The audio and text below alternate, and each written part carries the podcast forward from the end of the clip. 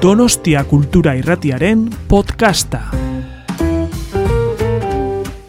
Sabéis que es un, un placer estar aquí, estar con vosotros, estar con Lucy, estar con Diana, la traductora, eh, tener al, al editor de, de, sus cuatro, de sus cuatro libros entre nosotros, a Álvaro Yorca, en, en cuanto leáis a, que, que, seguro que la habéis leído, porque si no, acaso no estaríais aquí, o acaso lo que queréis es estar, es conocer, conocerla antes de, empezar sabéis mm, la importancia de, del editor o de la editora, sabéis que una de sus dedicatorias es a a Bárbara Epstein, que fue su, su, gran editora en algún momento. Bueno, sabéis muchas cosas y si no las sab sabéis, mm, vamos a intentar que lo, que ap aprenderlas todo, todos juntos. Eh, Badakisue, uy, perdona, perdóname porque vamos a utilizar el castellano, a no ser que vosotros queráis estudiar, eh, utilizar el euskera. Eh, eh, sabéis que es la traducción simultánea, con lo cual todos tenemos que hablar relativamente tranquilo y, y, corto. Sabéis que estaremos unos 50 minutos hablando nosotras tres, Lucy, Diana y yo, y sabéis que si queréis eh, eh, preguntar algo, pues habrá otros 15 minutos en los cuales también os pedimos que, recordéis que tenemos traducción simultánea y que todo, que todo, se, eh, que todo se, duplica.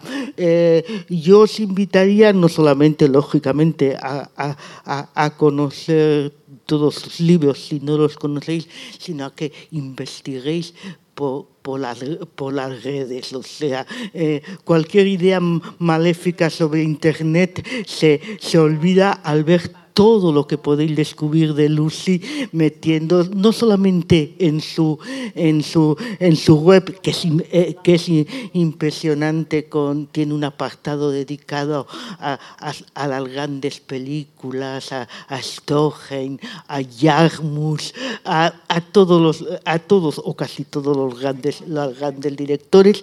Luego tiene dos magníficos artículos sobre smoking o no smoking, fumar o no fumar, la nicotina, el placer, Golois, Gitans, eh, y tiene, tiene también eh, la historia de su transición de género. Escrita en Vanity, Vanity Fair, diciendo eh, que es una sensación eléctrica y extraña. O sea que tenéis que hacer muchísimas cosas cuando, cuando Lucy desaparezca de, de Ernest, de Ernest Duke. Eh, me gustaría, eh, sin perder mucho tiempo, porque tenéis que leerlo vosotros, me gustaría empezar, empezar por el final. Ya sabéis lo bonito que es empezar un libro por el final. El soldado desconocido. Lo último que vi fue el techo de un pasillo de un metro veinte de ancho con una moldura de yeso que parecía una fila larga de pececitos, cada uno tratando de engullir al que tenía por delante. Lo último que vi fue una rendija de cielo amarillo entre edificios, tapada en parte por un tendedero de ropa. Lo único que vi fue el parapeto y más allá los árboles. Lo último que vi fue su placa, pero no sabía decirte el número. Lo último que vi fue un chopito lleno que me pasó alguien dándome una palmada en la espalda. Lo último que vi fue el sedán que venía como un tiro hacia mí mientras yo pensaba, no pasa nada, de tal de la cristalera de la cafetería, estoy a salvo. Perdí el equilibrio al cruzar Broadway y me atropelló un tiro de caballos en, de una fábrica de cervecera. En uno de los lados de un edificio de seis alturas me estaba elevando sobre una plataforma con un cargamento de cabos para fijar una cornisa cuando la parte débil de la cuerda se enredó con la, con la polea y se rompió. Ya no me desperté cuando los gases se colaron en mi cuarto. Yo estaba allí de pie gritando y él venga a apuñalarme. Me metí, en la, me metí la papela cuando llegué, no llegué a casa, pero a mí ya me parecía que olía raro cuando lo calentaba. ¿Quién? ¿Quién dice todo esto? Pues el soldado desconocido. O sea, Este es el comienzo, empezando por el, fin, por el final. Y, eso, ah, bueno, por cierto, mm, para que sepáis, este libro pesa 480 gramos. 480 gramos de, ma- de, mara- de, de, de, de, de ma- de ma- de maravilla, de, nicotina, de música, de Patti, de Smith, eh, de todo. Mm, eh, empieza con, por citar, alguien cita uno de los grandes, Baudelaire, donde, y en el sprint de París, de querer expresarme en la bella lengua de mi siglo.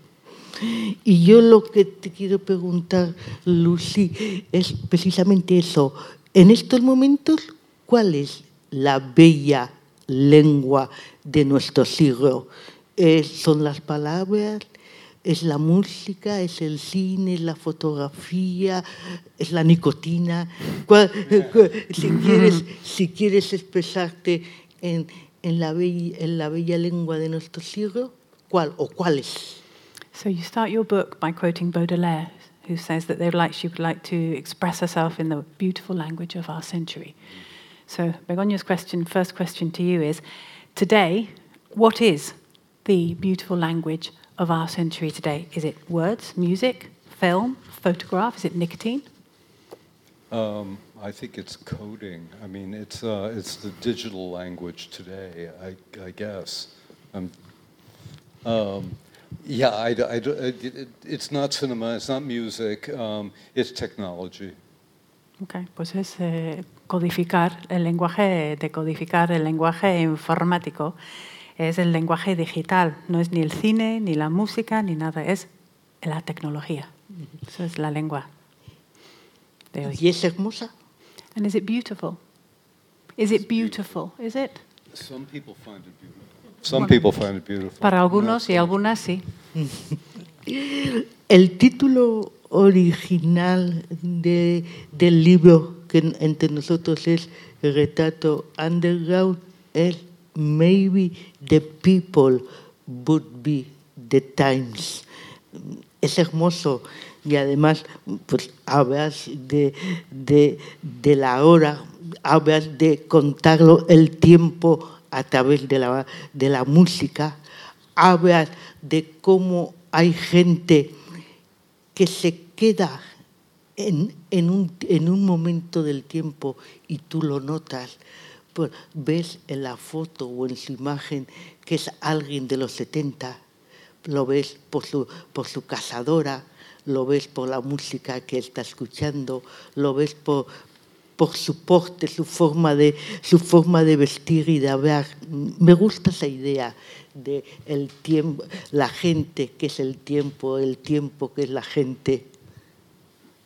So the original title of the book, even though the title's a bit different in Spanish, is Maybe the People Would Be the Times. Um, she thinks that's a very beautiful title, and she like in, in your book you talk about, you know, how you can explore time through music, etc. You also talk about how there are some people who seem to stay stuck in time. You see a photograph of them, and you can tell that's a person from the 1970s because the jacket they wear, or the music they listen to, their posture, their dress, they're sort of stuck in time. And she really likes the idea of time and people and people in time. Totally. Uh, the, the title is from a song by Love of that, with that name. And I was struck because I, I remembered what it was like to be young and look at people and find the year in which they stopped. And within youth culture, I think that's still true. I mean, once you get older, it no longer happens. But um, when you're young and you, then you're no longer young, you're marked with a date. Bueno, el título eh, viene de una canción, una canción eh, del grupo Love, que lleva el mismo nombre. Dice que le recuerda mucho lo que es ser joven. eh, y ser joven y ver cómo las personas se van pues, haciéndose mayor, en algún momento paran y ya no avanzan más. Y cuando eres joven y en la cultura de la juventud eso no ocurre, pero cuando nos vayamos haciéndonos un poquito más mayores, pues en algún momento pues paramos. Eh, y eso le gusta ver a la gente así donde han parado eh, en ese camino a través del tiempo.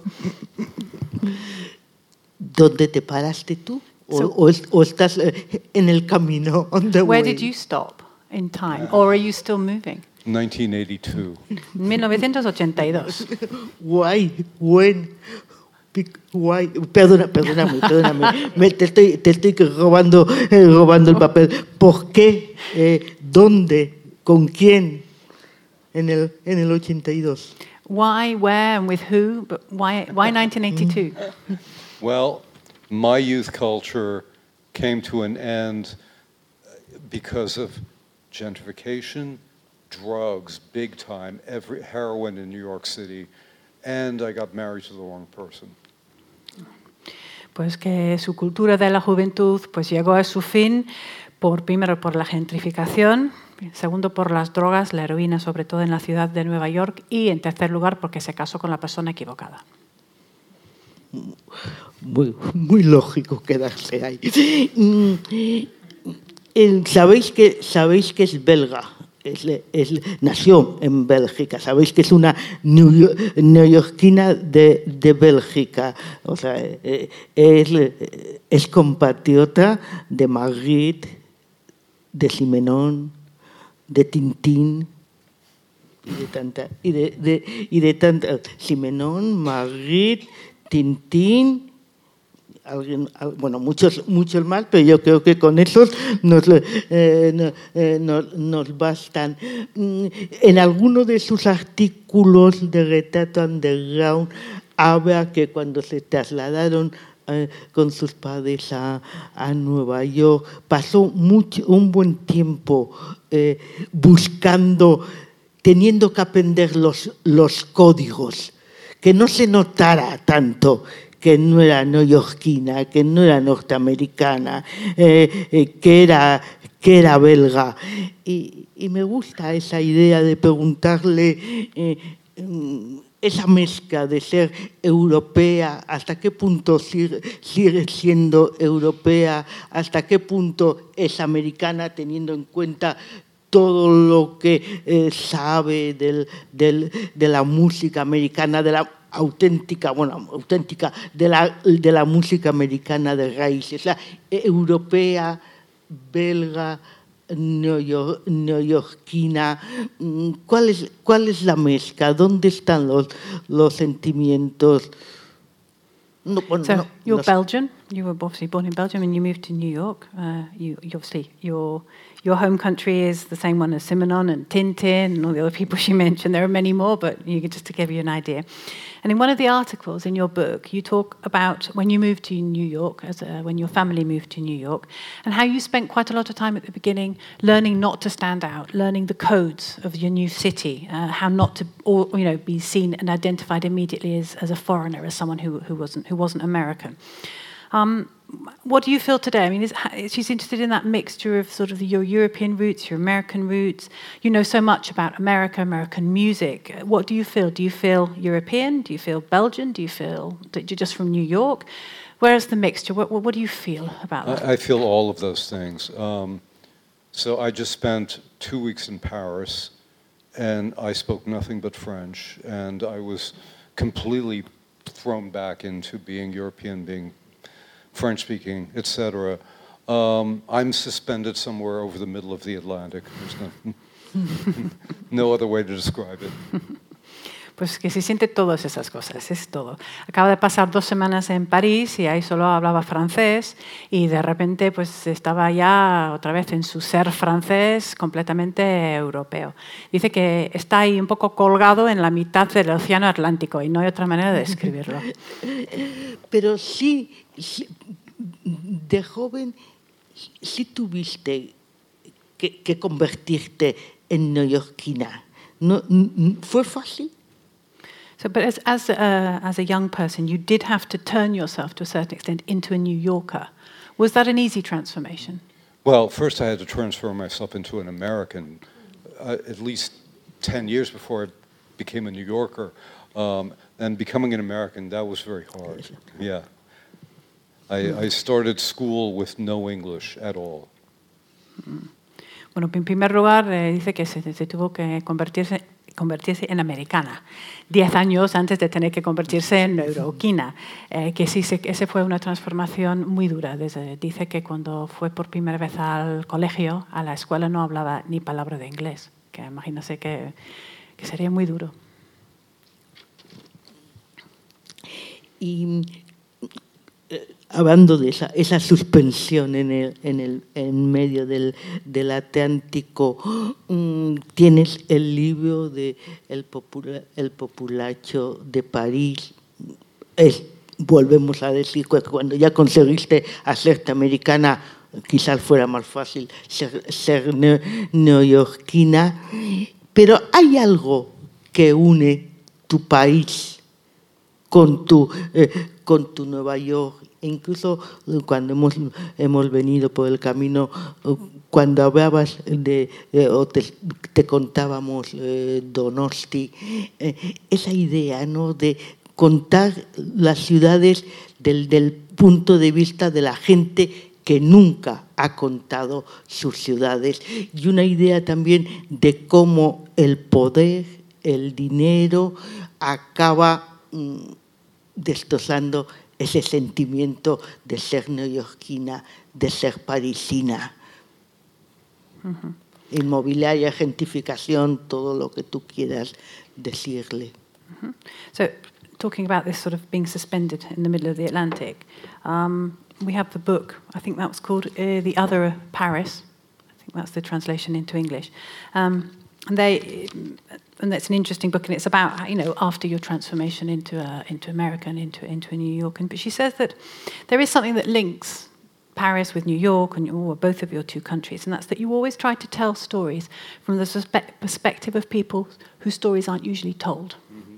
Uh, and how money destroys the idea that they have of the city. That's happened in Paris, it's happened in New York, the whole idea of gentrification. So, I'd like you to perhaps comment on that a little bit. Well, yes. I mean, there are two things influence that. One is the situation of my family because I'm strictly working working class, uh, agrarian on my mother's side, um, and um, the other is having seen those cities change. I started going to school um, in New York City in 1968 and lived there beginning in 1972. So I've seen five or six different cities in succession. And Paris, I've been visiting since 1963. I've never lived there for more than a few months at a time, but gone back very often. So I've seen that also transform. And so it's, um, it's both a personal story and a world, you know, a world story. Pues hay dos cosas ¿eh? que entran en el juego en esas historias que cuenta. En primer lugar, su familia, la condición de su familia, que es una familia de clase trabajadora. Y en segundo lugar, el hecho de que ha visto a muchas de estas ciudades cambiar. Eh, que cuando empezó a ir al, colegio en Nueva York, pues fueron en 1968. Luego una vez, poco más tarde, vivió ahí en 1972. Y entre tanto, pues había vivido en cinco o seis ciudades diferentes y de que visita París desde 1963 y nunca ha vivido ahí, pero va bastante a menudo y ha visto cómo la ciudad se ha ido transformando. Entonces, cuando cuenta esas historias, las cuenta desde una perspectiva personal, pero también es, es una historia mucho más global de lo que está ocurriendo en muchos sitios. Sí, porque además mmm, vas viendo eso, cómo el, el poder, cómo lo que en realidad era un, un barrio, pues eso, pobre, pero lleno, lleno de vida, lleno, lleno de droga, de gente que sacaba sus trastos a la calle y, se, y los ponía no a la venta.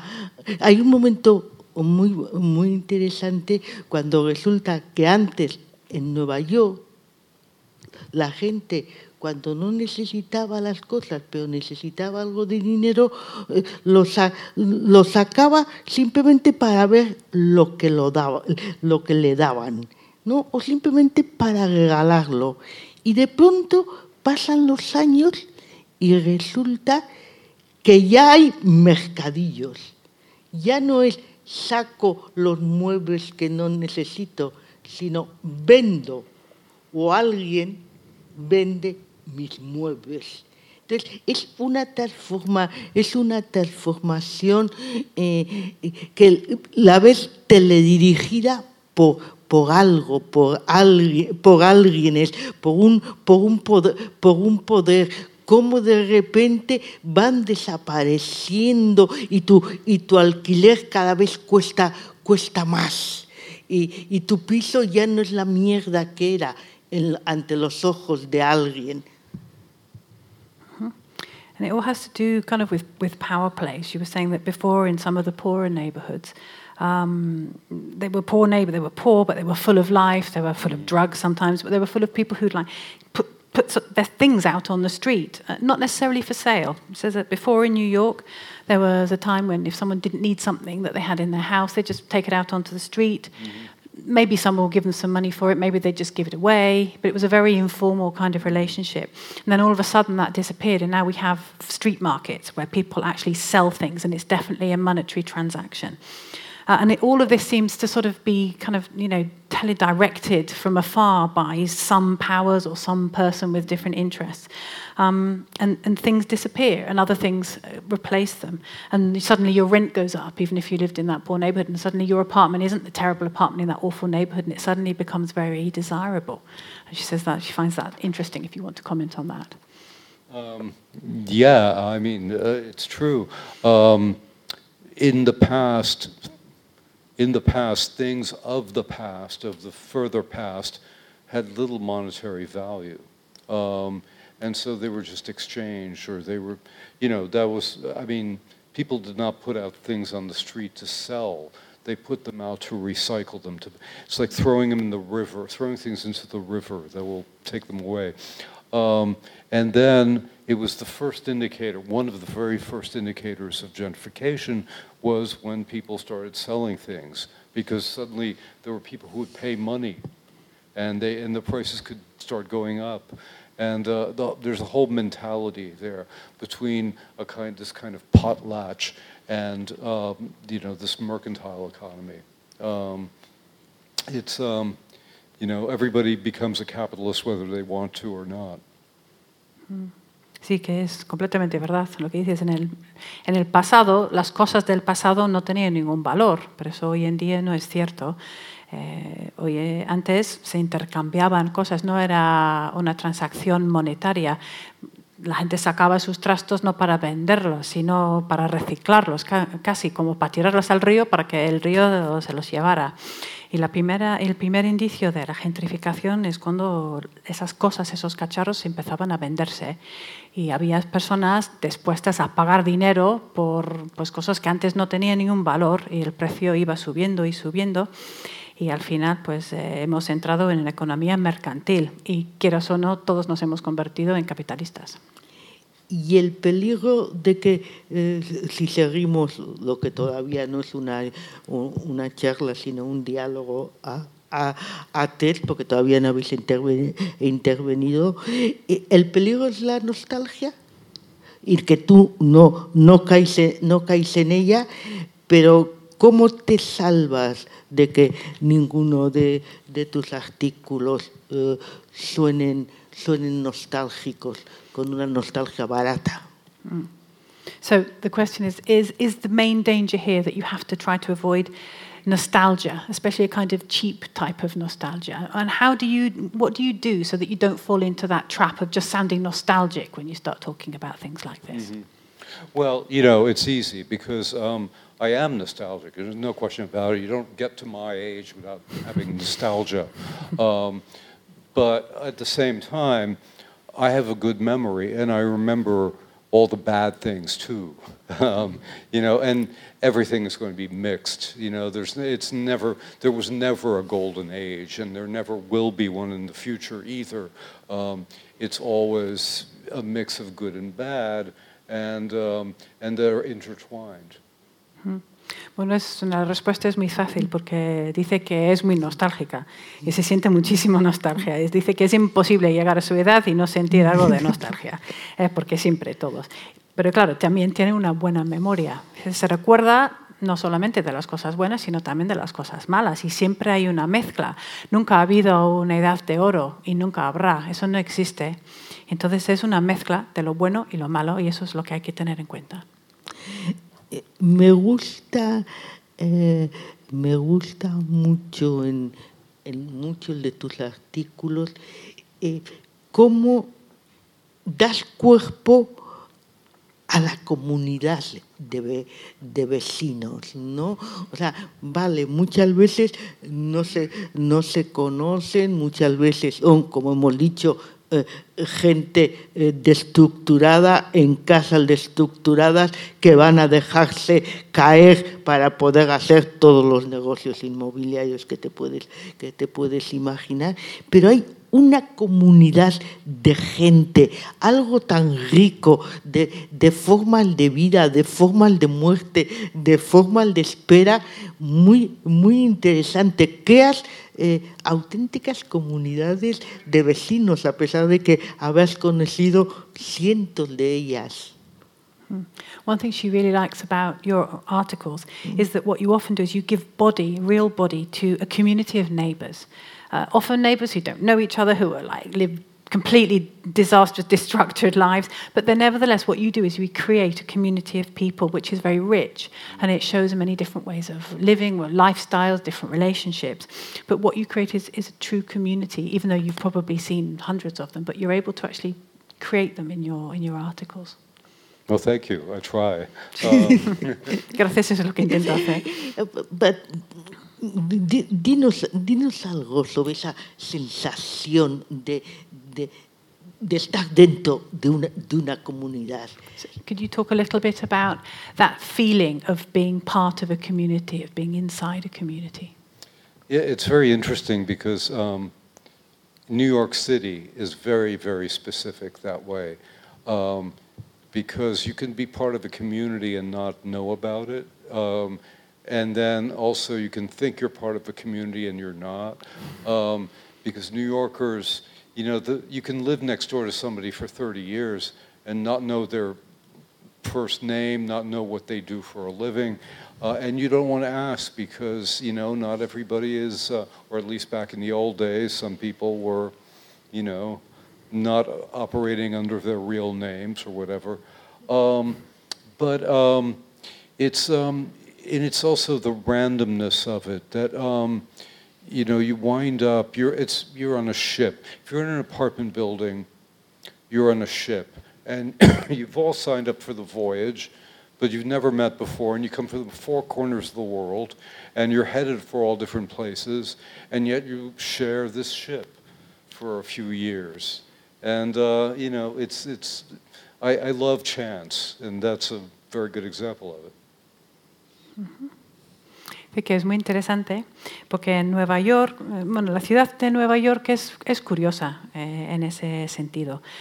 Puedes formar parte de una comunidad sin saberlo, y puedes pensar que formas parte de una comunidad y realmente no formas parte de esa comunidad. Puedes vivir eh, al lado de una persona, de, un vecino durante 30 años y no saber cómo se llama, cuál es su, nombre de pila o, a qué se dedica. Y muchas veces tampoco quieres preguntar porque muchos, pues, sobre todo antes, pues no paraban bajo su verdadero nombre, entonces por si acaso pues nadie preguntaba. Y dice que le gusta esa naturaleza aleatoria de la vida en la ciudad. Eh, es como, si estás en un bloque de apartamentos, dice que es como estar en un barco. Todos habéis comprado el billete, todos estáis metidos en el barco, venís de diferentes partes del mundo, os vais a diferentes partes del mundo, pero compartís ese viaje, ese momento durante unos cuantos años, en ese caso en el apartamento, de vivir juntos, de estar conviviendo en el mismo espacio pero sin conoceros. Y, le gusta mucho eso, pues la, que sea todo aleatorio. Qué bonito. hemos dicho, uh, bueno, hemos dicho, hemos sugerido que puede ser que todas las ciudades se parezcan, pero cuando en el, el populacho de París hablan de la figura del flaneur, del paseante, indicas cómo tiene que ser a un auténtico faner. das ese toque que yo no había pensado de por qué la, mayoría, si no todos los flaners eran hombres y no mujeres, y no había ninguna mujer, a pesar de que hubiese grandes escritoras francesas o parisinas. Pero, claro, ¿qué mujer iba sola por las calles, por, la, por las calles con, con, la mirada de todo el mundo encima? Me, me preguntaba, ¿se puede ser flaner en Nueva York? ¿O es una figura tan, tan parisina o tan europea acaso centroeuropea como Robert Walter, pero no, sé, no, me, no me imagino un flaneur en Nueva York. ¿Acaso tú sí? So some people say that all cities are alike, but then in the other Paris, you talk about the figure of the flaneur. Uh, and you describe it very well. You describe its different characteristics of this figure. And you also, and she hadn't realized this, but she, when she read it, she thought it was quite curious. You sort of describe and explain why all flaneurs were men, why there weren't any women because obviously when you think about it, I mean, despite the fact that there were some great French female writers, mm-hmm. there were only male flaneurs because obviously as a woman walking around in the street, everybody looking at you, all you know, you being by yourself as a woman, well, it simply wasn't possible. So the question is, could you be a flaneur in New York? Um, or is it something that's just very specific to Paris or somewhere in Europe? Because she says she can't imagine uh, a flaneur wandering around the streets of New York. So would you be able to imagine um, that? I have I have flaned in the streets of New York myself. um, it's uh, yeah, you can. I think you know the distinction is really you can be a flaneur in any city that is not a car culture. You cannot be a flaneur in Los Angeles, for example. Mm. But New York, it's uh, Manhattan. It's sm- small enough. Um, yes, you can do that. And um, and uh, you know it's it's not as interesting as it once was because it's you know well like everywhere else in the world, what were small individual enterprises are now overwhelmingly global corporations. You see the same advertising from country to country. It's not as interesting that way, but the streets themselves, you know, and uh, also New York is makes it a little more difficult to be a flaneur because so much of it is right angles. Pues sí, que él ha sido un flaneur en Nueva York tranquilamente y no hay ningún problema. De hecho, se puede, se puede ser flaneur en cualquier ciudad que no, tenga, que no sea una ciudad de coches. Por ejemplo, no se puede ser flaneur en Los Ángeles, por ejemplo. Eh, pero en Manhattan sí, porque es lo suficientemente pues, pequeño como un barrio, como un distrito de la ciudad. Pero claro, no es tan interesante como antes, porque antes era un montón de pues, comercios pequeños, privados, diferentes. Hoy en día son todos corporaciones globales, ves los mismos anuncios en todas partes. Pero bueno, las calles siguen estando ahí y está bien. Eh, y claro, en, Nueva York es un poco más difícil ser flanor porque todas las calles están en, ángulos rectos. Entonces. Estamos eh, siendo muy, muy, muy urbanitas, ¿no? En, eh, en, bueno, en estos, en, otros, en estos minutos.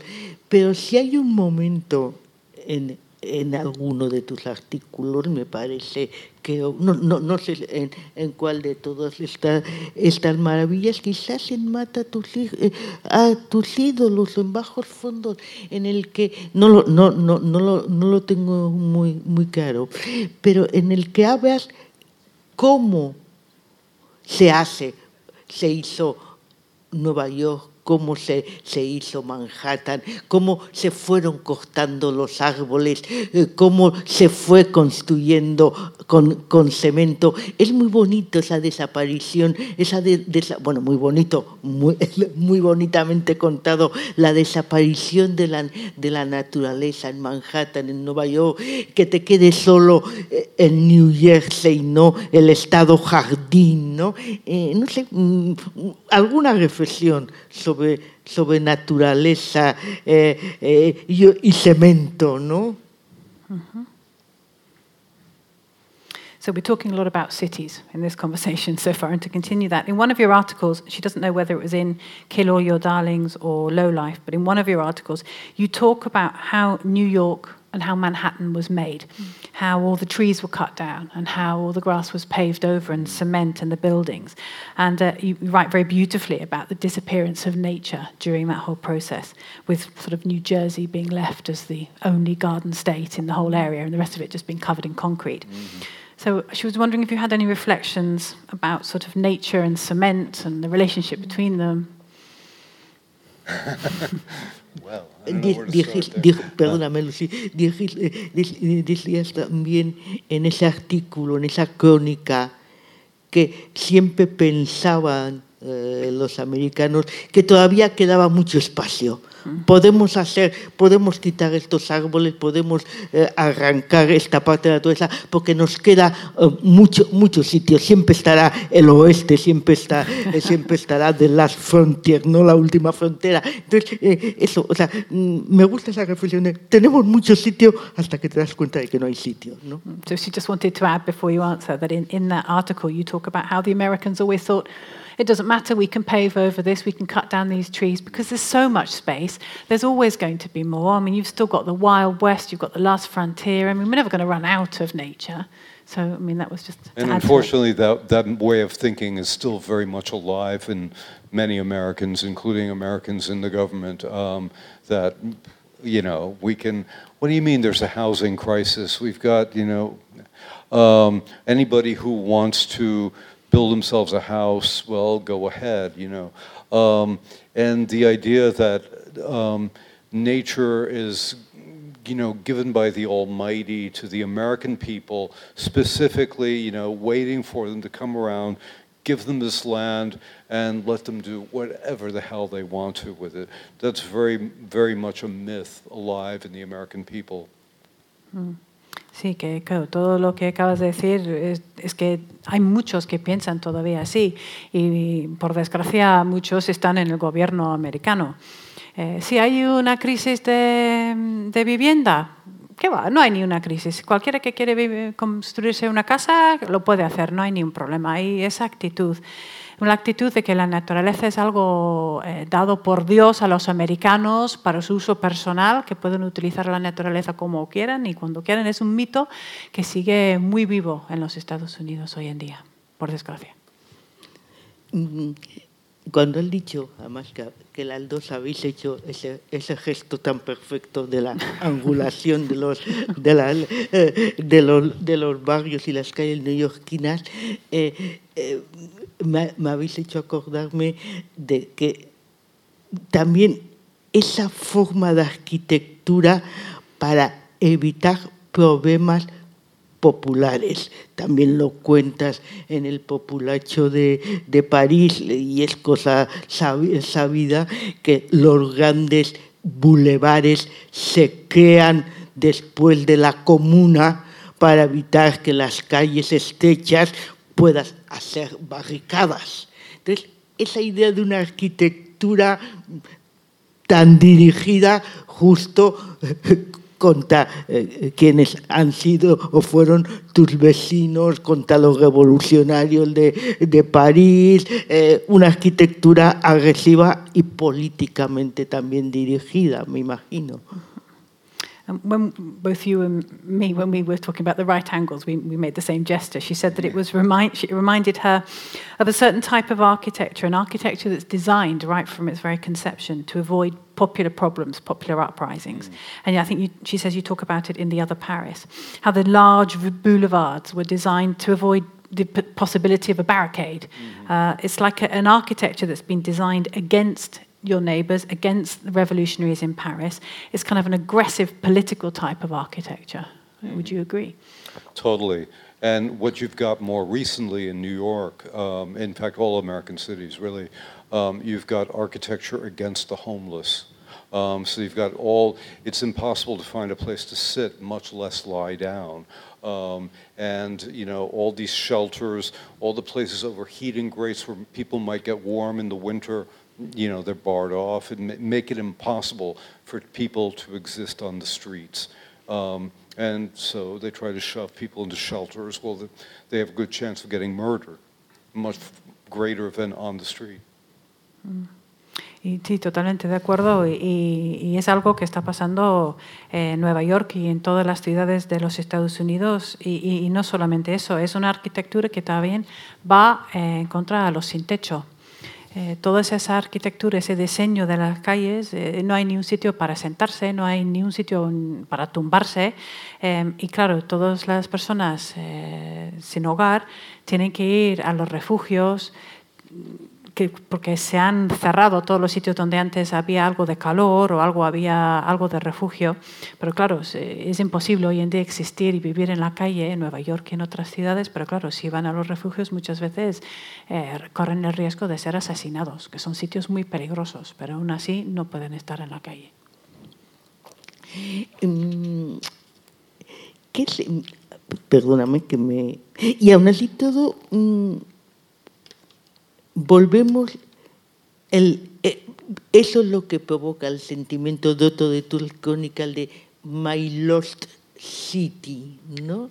Todo eso que estamos, todo eso que estamos hablando, la arquitectura puntiaguda, acerada, mm, todo, ¿no? O sea, My Lost City. ¿Cuántas, cuántas ciudades has ido perdiendo? ¿O cuántos Nueva York, cuántos, cuántos París, cuántos? So, and all of this that you're talking about provokes this feeling you talk about of my lost city, of the sort of the sharp, pointy, hard architecture, etc. So, how many cities have been lost? I mean, New York, Paris. I mean, how many cities do you feel you have lost or have been lost? Well, um, I well, you know, it's, it's I, w- I went to visit the uh, city where I was born um, about two and a half weeks ago in Belgium, and that truly is lost because first all the textile plants, which employed my father and all my ancestors going back hundreds and hundreds and hundreds of years, they're all gone. And that was the reason for the city's existence. And, um, and then there were enormous floods. The Rhine flooded, the Meuse flooded, all these, Europe, all these re- rivers in the region flooded, and they wiped out what was left, pretty much. I mean, the city's still standing. There's still people who live there. There are still about mm, a third or a quarter of the businesses are still going, but that's it. And that is truly a lost city. Um, when I called my piece "My Lost City," by the way, it was an allusion to a short story by F. Scott Fitzgerald by the same name, and of course, he's lamenting his lost city in 1932 or something like that. So it's a cycle. You keep, everybody loses, that's another kind of loss because everybody loses their city at some point. Pues hace dos semanas y medio dice que fue a su ciudad natal en Bélgica y esa sí que es una ciudad completamente perdida. Básicamente porque todas las plantas de textil que llevaban ahí años, cientos y cientos de años, donde trabajaba su padre, su abuelo, etcétera, estas plantas, esas fábricas han desaparecido. Y claro, las fábricas eran la razón de la existencia de la ciudad. Entonces, y también ha habido inundaciones, el Rin se había inundado y otros ríos del alrededor y había destrozado la ciudad. Entonces, la ciudad sigue ahí, físicamente sigue ahí. Y una tercera parte, una cuarta parte de los negocios y las empresas también siguen ahí, pero no hay nada más. Entonces, esta sí que es una ciudad perdida. Pero también comenta que My Lost City, Mi Ciudad Perdida, también es una referencia a un trabajo, una obra de F. Scott Fitzgerald, del mismo nombre, que escribió ahí en 1932, y él también estaba lamentando otra ciudad que para él había sido perdida. Entonces dice que es un ciclo, y que al final todos perdemos nuestra ciudad, antes o después.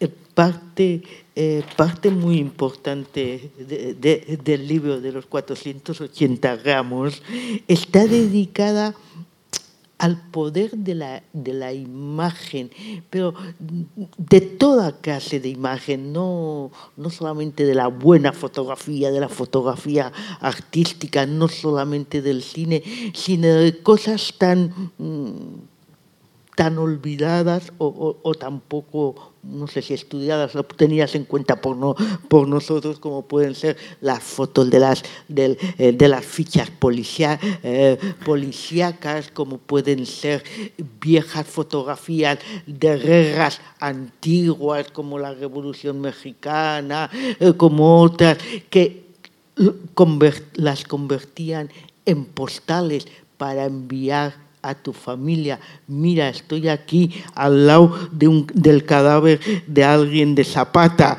o de, o de un revolucionario o de una Adelita y se convertían en postales.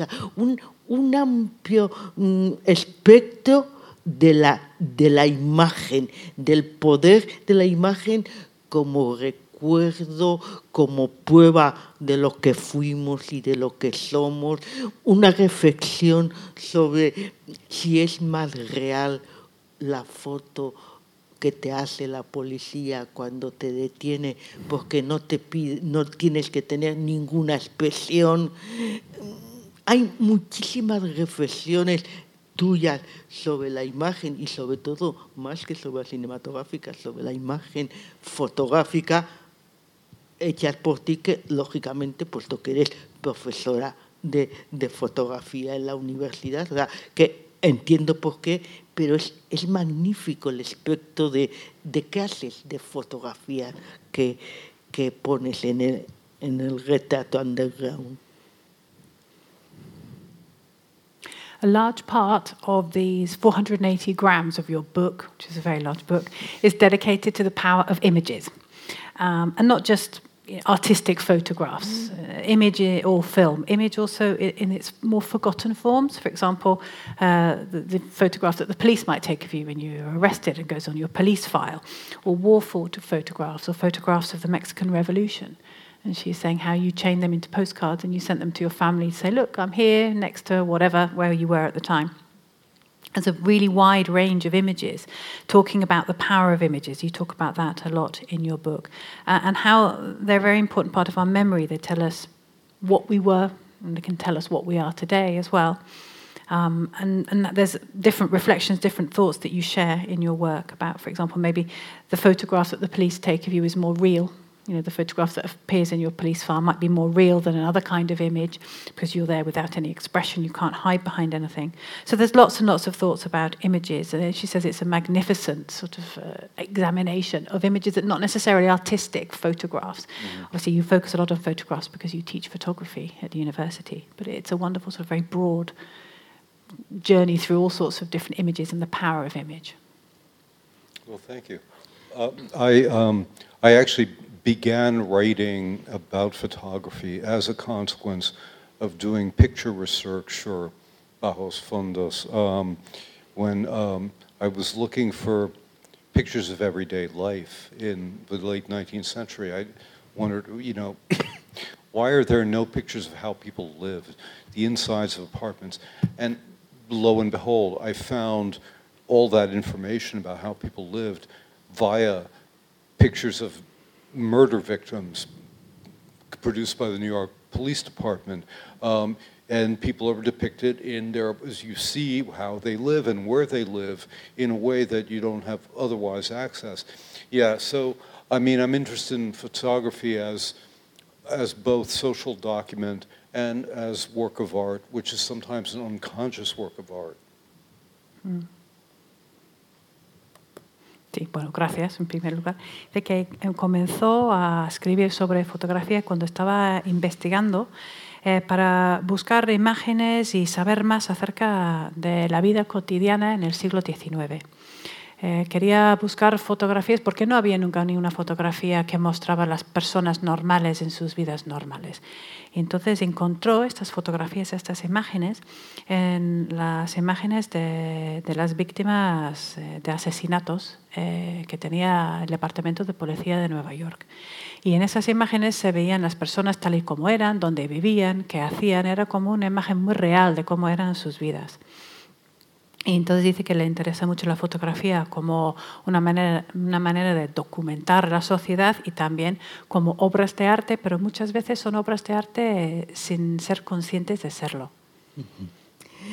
Y, y a pesar tus referencias cinematográficas eh, eh, son, son, son inmensas y van de, eh, de, de, de, Rivet a, bueno, pues lógicamente, volvamos a decir, a, a, a pero es curioso, o sea, le, leemos tus libros y los leemos con una cantidad de referencias iconográficas, cinematográficas tremendas. O sea, te dejas, te, te, abandonas en el, en el libro, te abandonas en el relato. A veces parecen auténticos thrillers y tú sabes que lo que estás contándonos lo has visto en una película o vas a verlo en otra película o, o, esa esquina es, vuelvo a repetir, la de eh, la, eh, cualquiera de cualquiera de Yarmus, cualquiera de Poloste, a usted cuando se pone,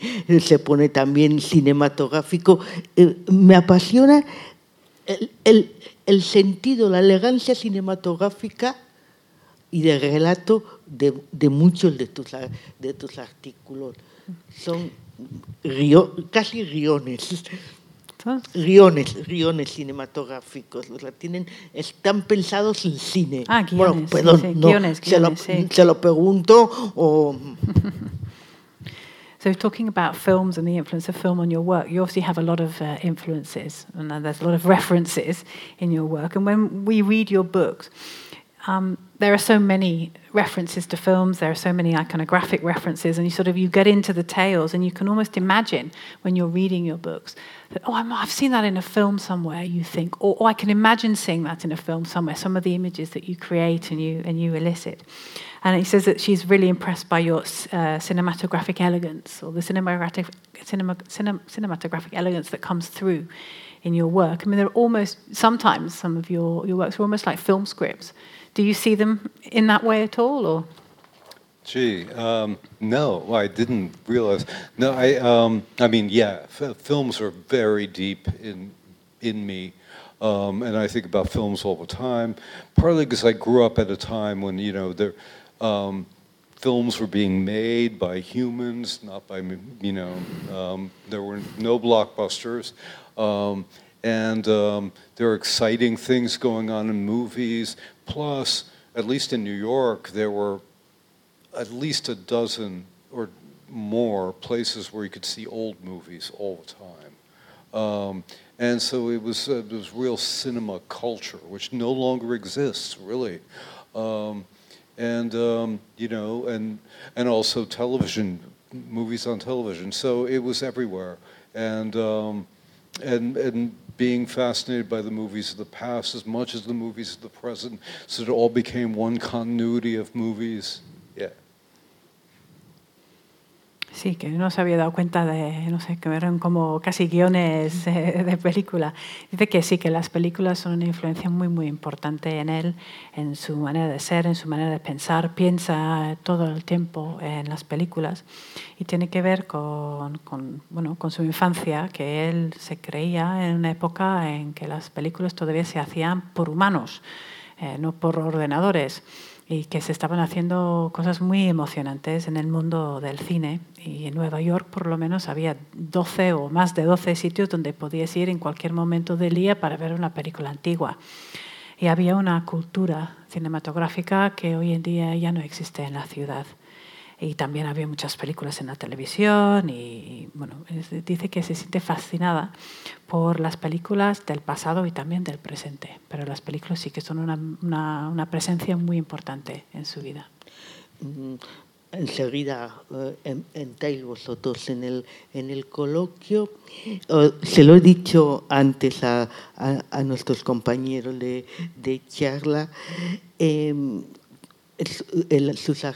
su artículo magnífico en Vanity Fair sobre su transición de género. Eh, hay, una, hay alegría en ese artículo, una sorpresa de, lo que significa, oh, Dios mío, estoy siendo una mujer. Estamos acostumbrados a que las transiciones de género se cuenten como es lógico, del, del dolor, del de la lucha, del, de, del del miedo, lógicamente, y a mí me gusta, primero, la forma en que con una aplicación de móvil te empezaste a dar cuenta de por qué no, pues debe haber una mujer en mí.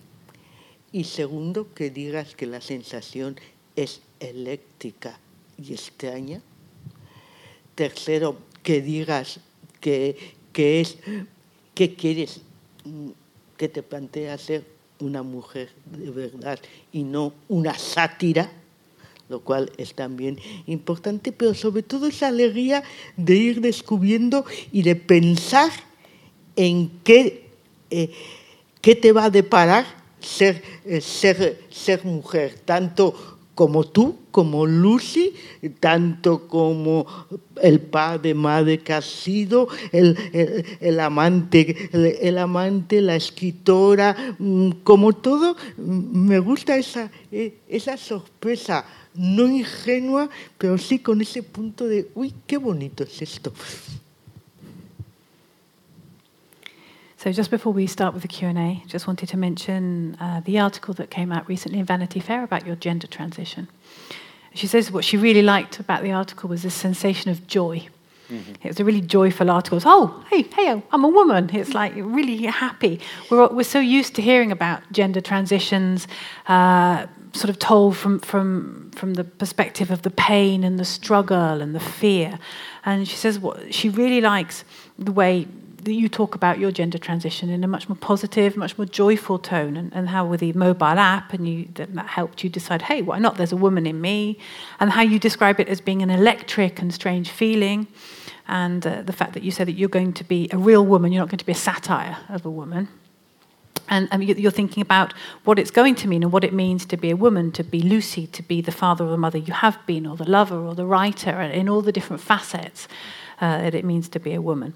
And she says that she, she loves that tone. It, it's, it's a wonderfully sort of surprise tone. It's not at all naive, but it's got that wonderful sense of surprise to it and the joy. And that's what she really likes about it.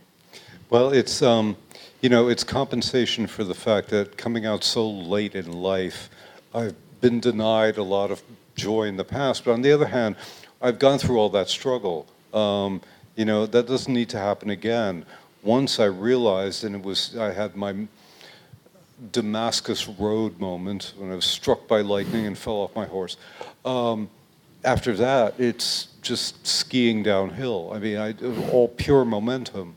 Um, no more struggle, no more. And the sense of having had this secret that I carried around for decades, this, you know, 100 pound stone, and being able to drop it, I feel so much, I feel so light I can float. Sí, pues bueno, es un poco para compensar el hecho de que claro, ha hecho todo eso tan tarde en la vida, eh, que dice que, que, ha perdido muchísima alegría durante décadas, porque claro, ha decidido hacerlo muy tarde en la vida. Y claro, ha pasado por toda la lucha, por todo el dolor, lo ha hecho ya, no hace falta hacerlo otra vez. Y después del momento Damasco, ¿no? de, realización, de darse cuenta, pues es como cuesta abajo, todo es cuesta abajo. Ahora es todo muy fácil, ya no hace falta luchar. Eh, es como, claro, tenía un secreto que le llevaba con él durante décadas, como una losa que le pesaba muchísimo y poder dejarlo ir, pues dice que ahora ya se siente tan ligera que, vamos, que está casi flotando. Cuando, cuando vuelvas a tu, a tu hogar, que todavía te queda... Uh, un, un, unos buenos viajes presentando los libros. En Velvet Underground, el plan se, eh, tienes entre tus planes trabajar, no sé si literal, liter, en literatura o en cine o escribiendo sobre la Velvet Underground, uh -huh. eh, la banda, sí. la banda de Lou Reed. He leído algo de que querías escribir sobre Lou Reed, pero, te has, eh, pero eh, lógicamente te has ido a la Velvet, no sé. Mm -hmm. So when you finally go home after your many travels at the moment, um, are you planning to write anything about the Velvet Underground? and Lou Reed. She'd heard that you were going to write something about yes. Lou Reed. Maybe it's not Lou Reed as such, it's the Velvet Underground. What are your plans? Well, I, yeah, I have a two-book contract, and the first one is about my transition, and the second one is about the. Um, I parlayed it down from what was to be a biography of Lou Reed that I decided I couldn't do, but I want to write about the Velvet Underground in New York City in their time, which is also which is about the band and the music, but really about the context from which they come. Mm-hmm. Entonces sí, dice que tiene dos contratos de libro, uno sobre su propia transición y el segundo contrato iba a ser una biografía de Lurie, pero al final ha decidido que no, que eso no, no, no quiere hacer eso. Y va a escribir sobre el Velvet Underground en Nueva York en su momento. Es decir, eh, sí que se va a hablar de la música y la banda, pero más bien del contexto en Nueva York. Vosotros, ahora el vuestro, vuestro, vuestro turno, y, y- y no vamos a estar dos minutos esperando que alguien diga algo. ¿eh? O sea, no- She's saying that it's up to them. They're gonna. There's now a Q and A session, but they have to be quick. Yeah. She's told them. ya, ya sabéis que le gusta eso, que le gusta que le, que le, que le, dis- que le, dispare- que le disparen rápido y con yeah. puntería. So, so you don't like them to be, you know, wandering around and Hola. short and sweet and succinct. A ver, yo quería preguntar, eh, él, eh, ella ha escrito mucho sobre, sobre, su, sobre su juventud y ahora tiene un hijo de 22 años, creo que, que tiene, y también es profesor de la universidad, y con lo cual está en contacto y tiene, por lo visto, muchos, muchos amigos y amigas jóvenes. Y bueno, quería preguntarle por... mm, eh, siempre la juventud pues tiene algo de un estado de ánimo que tiene unas características comunes, ¿no? Ese nervio a través de las épocas, pero imagino que ser joven ahora y ser joven en la época en la que ella lo fue tiene otras cosas distintas. Em, Quería preguntarle qué percibe en su relación con la- cuando se relaciona con la gente joven, qué percibe que, que ha cambiado en lo que significa ser joven y, eh, y qué nos dice esos cambios, qué nos dicen sobre la época en la que vivimos. So you write a lot about your youth. You have, we know, you have a 24, a 22-year-old son who's also a university professor, I believe. So you have a lot of contact. Um, Wait, I, my son is also a university professor? No. No? No, he's No. a student. ah, es estudiante. Ah, perdón. Ah, pero but you but you teach at the uni. So, sorry, yo no, no te entendí, lo siento. Yeah, I didn't get that right. That- that- but you teach young people as well, so you have a lot of contact with young people, and you mm-hmm. also you have a son as well. Um, so obviously, being young is has a lot of things in common with when you were young and what being young now means. But there mm-hmm. must be some things that are different. So, in your contact with young people, what do you notice? What has changed about being young, and what do you think that those things that have changed say about the moment in which we're living now, our, our current time? Mm-hmm. Well, you know, it's funny. I mean, I, I, I just retired in December, but I taught for 27 years, and so I saw many waves of students come through. And the current ones, I think we understand each other better than the ones from 10 years ago or the ones from 20 years ago. There's something about this particular generation that just feels different to me they feel much more open somehow. I don't know. It's just a and the, the, you, the your millennials were um, they were censorious in a certain kind of way and um, anyway we did not get along so well but these kids today it, it would take me a while to describe how and why but they um, I, find them very congenial. Um, and uh, yeah, I mean, they're sad that they couldn't have had the youth that I have. You know, to be able to live cheaply in a city, to be able to decide, well, I'm tired of making music, so I'll make movies instead. No, wait, I'll become a, a choreographer. This cannot happen anymore. People are slotted in, and so that's a sad thing. Bueno, que dice que eh, se jubiló en diciembre después de 27 años de, de dar clase entonces ha visto pues, muchísimas generaciones de estudiantes. Y dice que se lleva mucho mejor con los estudiantes de hoy que con los estudiantes de hace 10 o 20 años, como que hay más feeling eh, con la generación entre ella y la generación de ahora. Dice que la generación actual no sé, hay algo diferente eh, en ellas. Son personas más abiertas, tienen una actitud más abierta. Los millennials dicen que eran un poco sensoriosos y no se llevaban muy bien con ellos, pero los de hoy en día, pues sí, que, que hay más feeling, que son muy fáciles, es muy fácil llevarse bien con ellos. Eso sí, dice que los jóvenes de hoy en día, o los estudiantes, se sienten un poco tristes porque ven que no van a poder tener la juventud que tenía ella o tenían las de su generación, por ejemplo, vivir de forma muy barata en, el centro de la ciudad, que eso es imposible hoy en día de empezar a dedicarse a la música y un día decir, no, a mí la, música no me gusta, voy a empezar a hacer películas. Y luego, pues no, las películas no, voy a empezar a no sé, meterme en el mundo de la danza. Eso hoy en día no se puede hacer, estás como encasillado desde muy pronto. Dice que se sienten un poco tristes los jóvenes de hoy en día, un poco, tienen un poco envidia por la juventud que pasó a ella.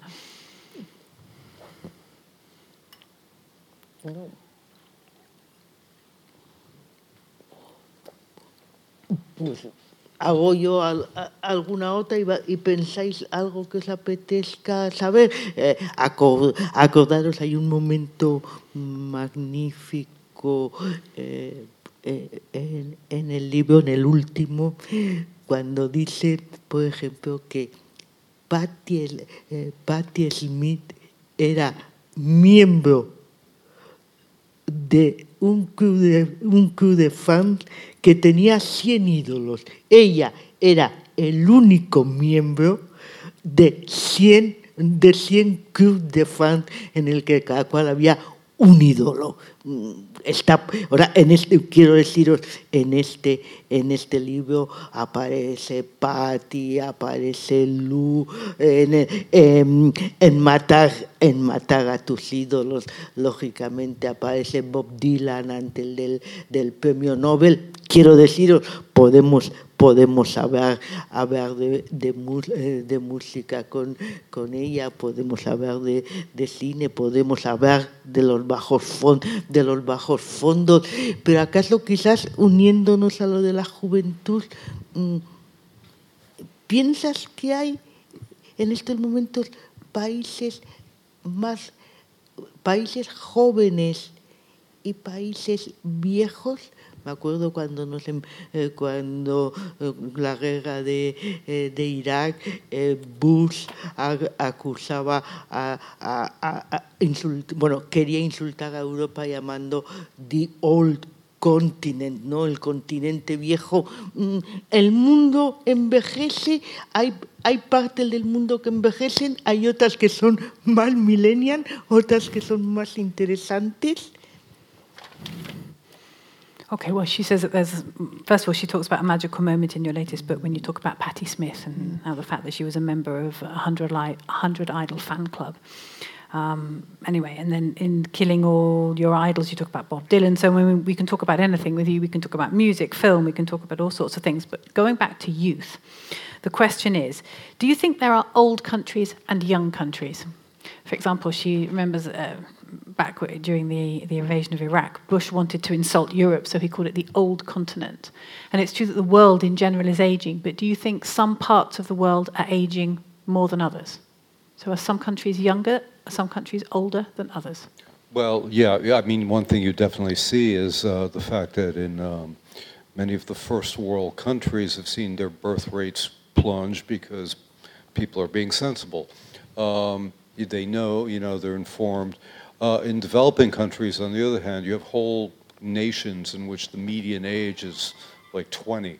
Um, and, um, you know, it's uh, because for ideological reasons or religious reasons or simply matters of being informed, people do not practice birth control. And so, yeah, literally, you have older countries and younger countries.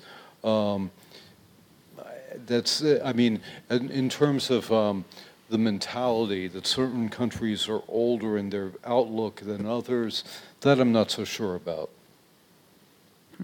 Sí, pues como vemos que en los, en los países desarrollados está bajando la tasa de natalidad porque las personas pues están actuando con sensatez y ven que no están teniendo demasiados niños. Eh, y en los eh, países en desarrollo hay igual países enteros donde la edad media es de 20 años. Entonces, ¿Y por qué? Bueno, por razones ideológicas o religión o simplemente la falta de información. Hay personas que no practican eh, o no utilizan anticonceptivos. Entonces, para contestar a tu pregunta de forma literal, sí hay unos países que literalmente son más jóvenes que otros. Pero si dice que si me preguntas sobre la mentalidad de los países, entonces ahí ya no, no está tan segura. Que si hay países con una mentalidad más, más vieja y una mentalidad más joven. Dice como que no. ¿Preguntas?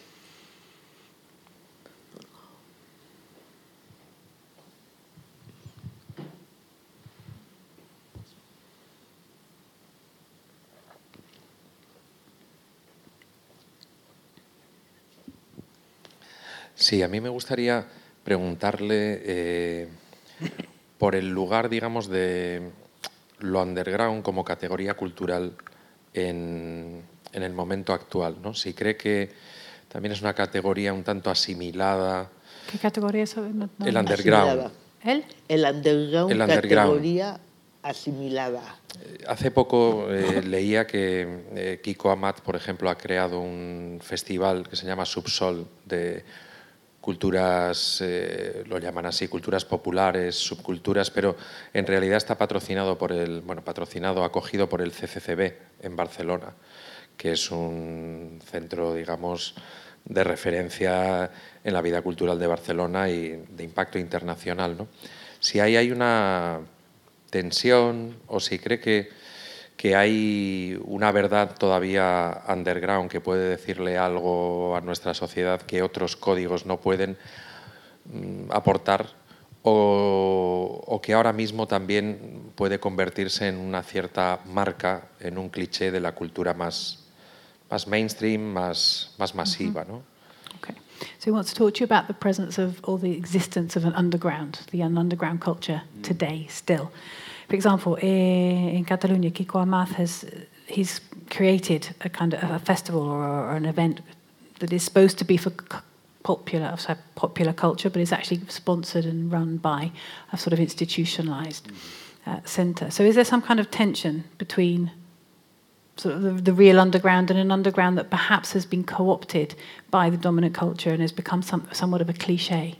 Is there really an underground culture that actually exists still today and that uh, has still has something to say to people? Yeah, I mean you do have that um, here and there, different cities. Um, I'm thinking of you know um, illegal party scenes that still happens, um, and also the different regional forms of hip hop culture in different cities in America. It'll be Houston, it'll be um, New Orleans. Um, all these different cities have their own genres that develop, you know, parallel to, but in contrast to other cities, and that's going on without. I mean, eventually, you know, they get picked up by record labels or whatever, but it happens on a very local level with mixtapes so that that's a, a, genuine, you know, phenomenon on popular street level.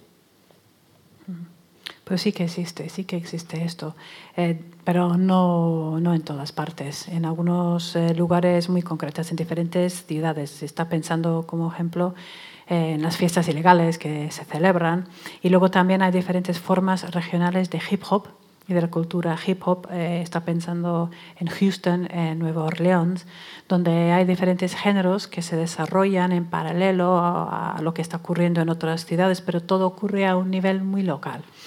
Luego es verdad que algunos pues eh, vienen las eh, grandes discográficas y, ya les meten el mainstream, pero sí que existen muchos movimientos, pero muy a nivel local. Entonces es un fenómeno que, que existe, y que existe a nivel de calle, pero una vez más, a nivel local y en algunos sitios. No. Entonces, mm, yo creo que podía, que eh, tienes que terminar tú porque tú eres nuestra invitada. Quizás nos dices, no el último, sino un libro que nos pudiera recomendar, una película que te apetezca ver, un, un grupo de música que hayas descubierto y, y cerramos así, si os, pa- si os parece la charla. Okay, so we just need to finish now, but we're going to give you the last word, and she's asking you just to finish. Could you perhaps finish by, I don't know, recommending a book? Not the last book that you've read, but just a book that you think people might like, recommending a book, or talking about a film that you want to see or you have seen, or a music group that you've discovered. Maybe that would be a good way to just finish off the, the, um, the discussion. Okay, a book, a movie, a Or one, it doesn't have to be all of them, eh? just giving well, you different I, I just want to say, I mean, uh, I've been really, really pleasantly surprised in the last two weeks by um, this British band called Wet Leg. They are really the, actually what, you know, everything one wants in a band, and uh, they're getting a lot of publicity right now, but it's well merited. They're fantastic. So that's, that's what's on my mind right now. Bueno, en las últimas dos semanas ha descubierto una banda británica que se llama Wet Leg, es decir, pierna mojada, Wet Leg, y dice que tiene todo lo que uno puede querer en una banda. Y están recibiendo mucha publicidad, pero está muy bien merecida. Así que eso es lo que tiene en la cabeza en esos momentos. La banda Wet Leg. Vale, pues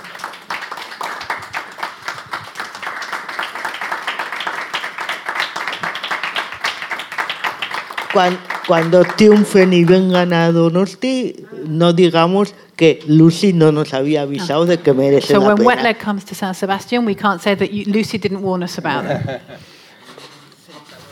They're very, they're very nice young women. Sí, sí, que son they don't mujeres. Sí, que son mujeres muy respetuosas, que no destrozan a los escenarios, vamos, que es una banda muy, muy civilizada.